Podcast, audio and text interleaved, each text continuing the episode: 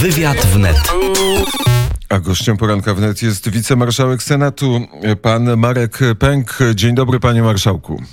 Dzień dobry panie redaktorze, witam państwa. Teraz już wiemy, że za 25 dni będą wybory, albo prawie wiemy, że za 25 dni będą wybory, czyli 28 czerwca. Jaka to będzie kampania?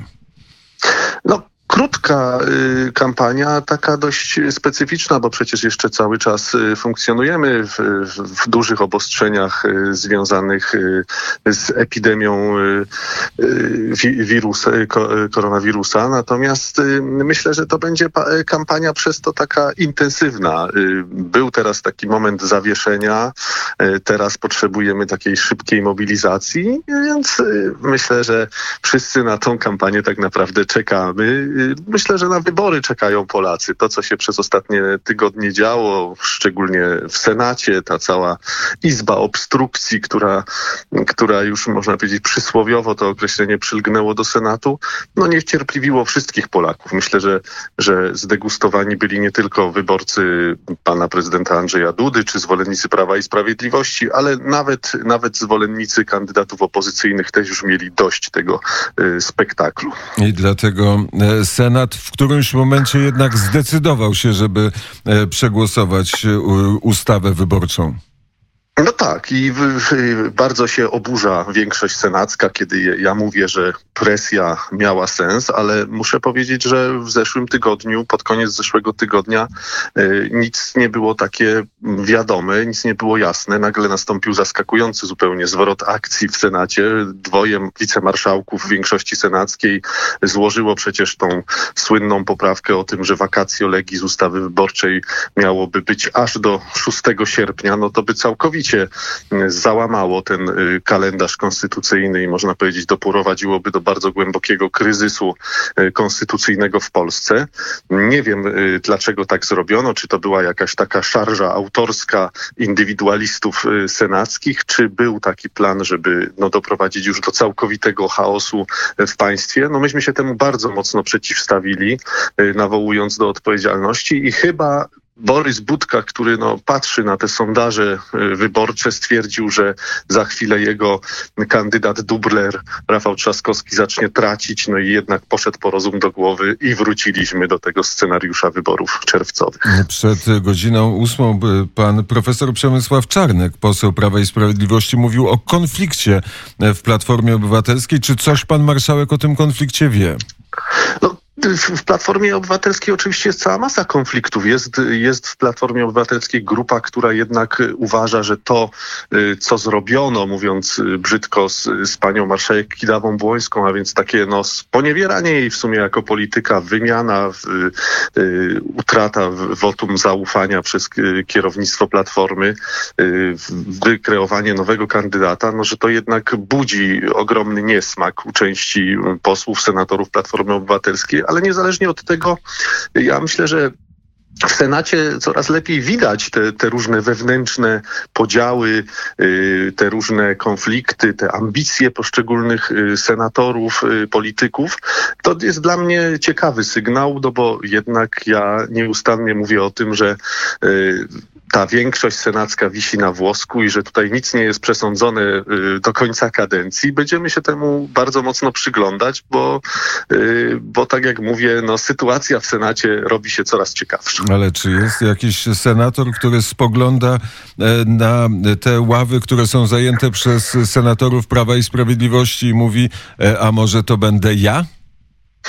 No na pewno taką panią senator, która z nami y, współpracuje dość y, jednoznacznie jest pani Lidia Staroń i, i no jest formalnie przecież senatorem niezależnym, więc to już jest 49 senatorów. Do, do połowy brakuje jednego, jeżeli byśmy osiągnęli nawet taką, taką połowę, czyli, czyli zdolność blokowania pewnych y, wniosków y, legislacyjnych, pomysłów senackich, to już byłby ogromny postęp.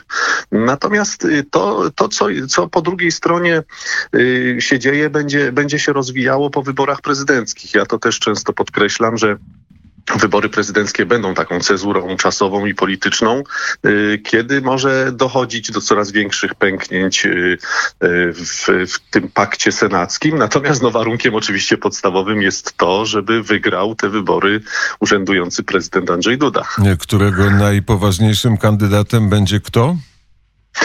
No, wszystko na to wskazuje, że w tym momencie Rafał Trzaskowski, natomiast y, tutaj też, też tak apeluję o taki pewien spokój, bo zawsze jest tak, że y, pojawia się y, nowy kandydat, wtedy dostaje taki skok poparcia. To trwa przez jakiś czas, natomiast no, tam po drugiej stronie przecież są poważni kandydaci, poważni gracze. Myślę, że Władysław Kosiniak-Kamysz też przystąpi z, z dużym, z dużą mobilizacją do swojej y, kampanii. No chyba, że powstanie po tamtej stronie politycznej kolejny pakt e, antyduda i, i już od, e, od, od jutra będzie taka gra wyraźna na jednego kandydata, ale raczej w to nie wierzę. Bo prezes PSL-u też ma swoje ambicje polityczne. Oczywiście. Ostatnio sondaże nie, nie wskazują mu wielkiego sukcesu, bo wygląda na to, że ten dubler, jak pan powiedział, czy ten nowy kandydat koalicji obywatelskiej zyskuje bardzo szybko popularność wśród e, wyborców e, opozycji. No właśnie, i to jest pytanie, czy to jest tendencja trwała, czy to jest y, taka tendencja chwilowa. Ja jednak jestem zwolennikiem takiej tezy, że jest to tendencja chwilowa i że dojdzie do takiego y, otrząśnięcia się z letargu pozostałych kandydatów. No lewica, lewica przecież też ma swoje ambicje.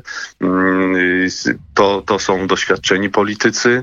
Mm, myślę, że, że jeszcze nie jeden zwrot akcji w tej kampanii y, nas czeka. Natomiast no, też podkreślmy, zdecydowanym faworytem od samego początku jest urzędujący prezydent pan Andrzej Duda. On ma jednak w swoim ręku najwięcej tych argumentów, najwięcej możliwości, żeby pokazać, jakie są jego osiągnięcia, jakie są jego dokonania, no i przede wszystkim, jakie są jego plany na kolejną, drugą kadencję. A nie ma pan wrażenia, że ten impet kampanii prezydenta Andrzeja Dudy gdzieś wygasł?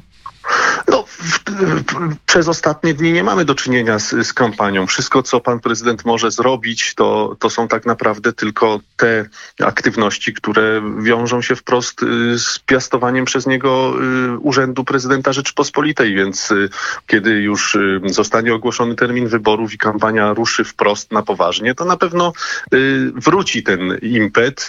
To na pewno nie będzie taka sama kampania jak ta sprzed pięciu lat, którą ja bardzo dobrze pamiętam, kiedy Andrzej Duda był takim młodym, świeżym debiutantem w wielkiej polityce i, i rzeczywiście te jego objazdy po Polsce no, robiły niesamowite wrażenie i dawały taką świetną energię, ale przecież jest to kandydat Zjednoczonej Prawicy. My mamy możliwości, potencjał organizacyjny, ażeby, ażeby strukturalny, ażeby naprawdę jeszcze e, w tej kampanii e, no, pokazać, e, kto jest najlepszy. Myśli pan, że słowa wypowiedziane w Poznaniu przez Rafała Trzaskowskiego o tej nowej potrzebie nowej solidarności, o budowaniu wspólnoty, o współpracy, jeśli wygra wybory, to o współpracy z rządem, nie trafią do, do przekonania Polakom tym, te, temu centrum, które właściwie e, decyduje o tym, kto będzie prezydentem Rzeczpospolitej?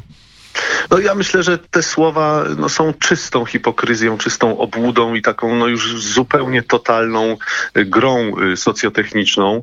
Y, no nie można w ciągu kilku dni nagle stać się kimś zupełnie innym niż się było przez całe polityczne życie. No Rafał Trzaskowski jednoznacznie jednak jest człowiekiem takiego głębokiego podziału, człowiekiem, który, który no, opowiada się za określonymi bardzo lewicowymi wartościami, wchodzenie w buty y, y, Lecha Kaczyńskiego, czy, mm, czy, czy takiej właśnie mm, filozofii, czy, czy, czy moralności, którą reprezentuje y, Prawo i Sprawiedliwość, czy Polska Prawica, no jest naprawdę obliczone na, na jakąś bardzo sztuczną reakcję mm, socjotechniczną. Myślę, że Polacy w to nie uwierzą, nie kupią tego. A poza tym, no poczekajmy, ta kampania, kiedy już ruszy, to wtedy bardzo wyraźnie pokaże też, jakie są e, braki e, tego kandydata, jakie są jego wybitne osiągnięcia w cudzysłowie jako prezydenta Warszawy.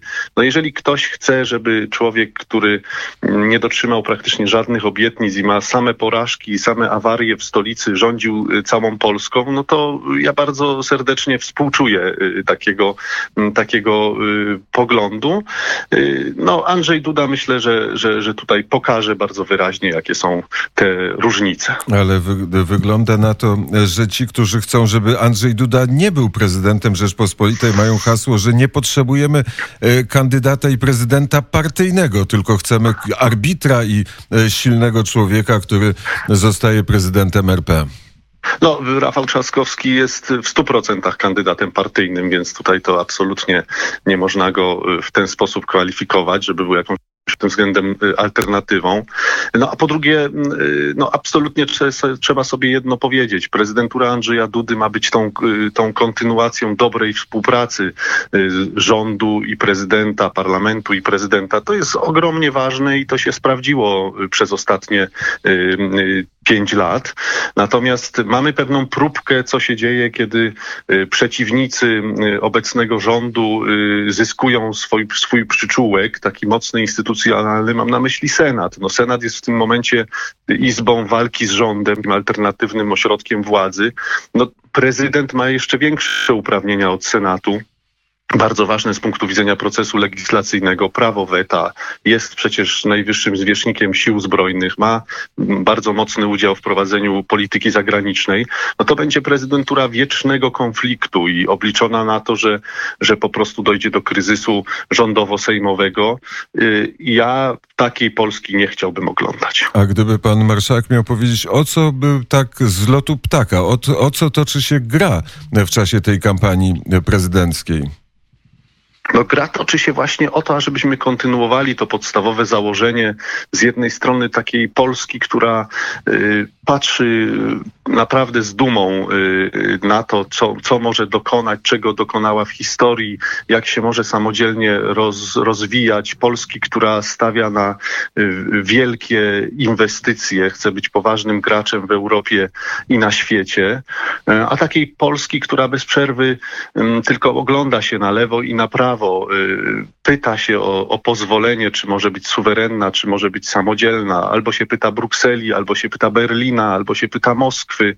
No to jest przede wszystkim y, tego typu, tego typu wybór.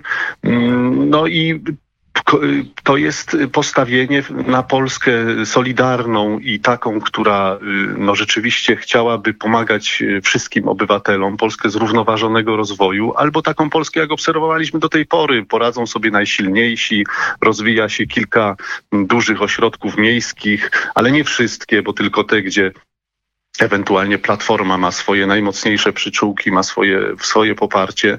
Myśmy pokazali przez te ostatnie cztery lata, że y, z owoców wzrostu y, gospodarczego mogą korzystać wszyscy Polacy, a nie tylko bardzo wąska grupka.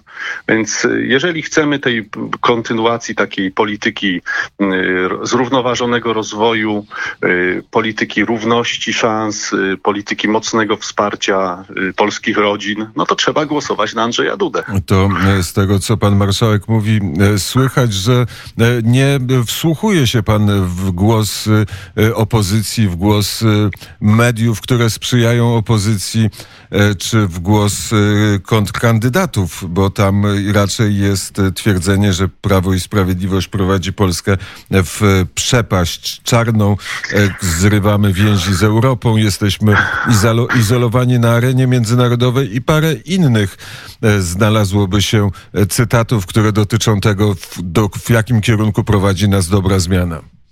No tak, no ale trzeba powiedzieć, że to, to y, po pierwsze jest narracja całkowicie kłamliwa, po drugie y, próby y, mówienia, że, że, że Polska idzie w złym kierunku są no, zupełnie niezgodne z bardzo takimi obiektywnymi y, kryteriami, czy to finansowymi, makroekonomicznymi. No, w Polsce y, patrząc na mm, chociażby mapę Europy jest bardzo dobra sytuacja gospodarcza, bardzo niskie bezrobocie. No i trzeba też powiedzieć, że Polska dzięki temu, że w momencie, kiedy rozpętała się ta straszliwa sytuacja pandemii, epidemiczna była na tyle dobrej kondycji finansowej, budżetowej, że mogła też stawić czoła temu kryzysowi i, i, i jak na razie jeszcze ten kryzys Y, nie złamał polskiej gospodarki, polskiej przedsiębiorczości. To jest też bardzo ważny argument. Y, czy my chcemy y, kontynuować tą, tą całą sprawę no, wyprowadzenia Polski na prostą z tej, z tej epidemii, czy będziemy sobie tutaj szykowali taki strasznie agresywny, zajadły konflikt wewnętrzny właśnie w tej sytuacji, kiedy szczególnie potrzeba zgody, kiedy szczególnie potrzeba współdziałania. Zgody e, to już chyba e, nie będzie, sądząc po słowach, które wypowiadają zarówno kandydaci, jak i politycy e, z dwóch stron e, barykady, ale zaatakowane jest opozycja, mówi tak, tarcza z dykty, ale największy atak idzie na ministra Łukasza Szumowskiego. Co pan o tym sądzi? No to też jest, y, to też jest zabieg y, bardzo mocno taki polityczny. Y, trzeba wybrać człowieka, który przez kilka miesięcy był właśnie taką dobrą twarzą walki z, z epidemią. Jeszcze raz to podkreślam, no Polska poradziła sobie z tym problemem mm, wyśmienicie, jeżeli popatrzymy na to, jakie żniwo zebrał koronawirus y, w, w, krajach zachodniej Europy, czy na przykład zbiera w Stanach Zjednoczonych, no przecież to są wszystko państwa niesłychanie bogate, dużo bogatsze od Polski, wydawałoby się mające sprawniejszą administrację, lepszy, na dużo wyższym poziomie system y, opieki zdrowotnej, a jednak no, tam ta sytuacja y, epidemiczna jest dużo gorsza, więc no, trzeba uderzyć właśnie w takie jakieś mocne ogniwo, zbudować wokół tego narrację kłamliwą, sztuczną. No, no jest, jest to według mnie podłe, bo, bo chociażby wczorajsze posiedzenia komisji mm, pokazały mm, właśnie ile dobrego zrobił minister Szumowski i jak wiele tych, tych zarzutów jest po prostu jakimiś fejkami, jakimiś pomówieniami. Yy, więc tutaj spokojnie czekamy na wyjaśnienie tych wszystkich spraw. Widzę, że pan, pan minister zachowuje się racjonalnie, spokojnie, broni swojego dobrego imienia i ma do tego prawo. I chroni go służba ochrony państwa, bo dostaje, bo, bo dostaje liczne pogróżki. No właśnie, no więc to jest też kolejny przykład na to, że te emocje eskalują w jakąś niedobrą stronę. Ja jeszcze wracam do Rafała Trzaskowskiego, który tak jednego dnia mówi, że jest kandydatem y, zgody, solidarności, porozumienia, ale przecież jego pierwszy występ y, otwierający w cudzysłowie taką prekampanię był pełen takich emocji agresywnych, pogróżek dla dziennikarzy, y, telewizji publicznej.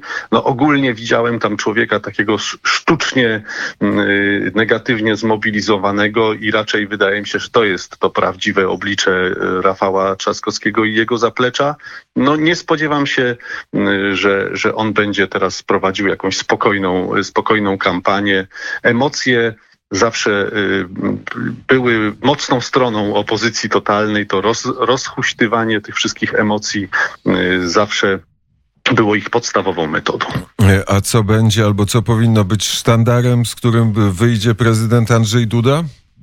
To poczekajmy jeszcze te kilka dni. Ja myślę, że jak już zostanie ogłoszony termin wyborów, a myślę, że to się stanie dzisiaj, e, no to wtedy, wtedy przystąpimy do, do takiego nowego otwarcia w tej kampanii. Na pewno będzie jakaś e, większa e, konwencja, czy, czy, czy jakieś większe mm, otwarcie programowe. Tutaj pan prezydent będzie wychodził na pewno ze swoimi inicjatywami już wkrótce. Bardzo serdecznie dziękuję za rozmowę. Bardzo dziękuję, pozdrawiam.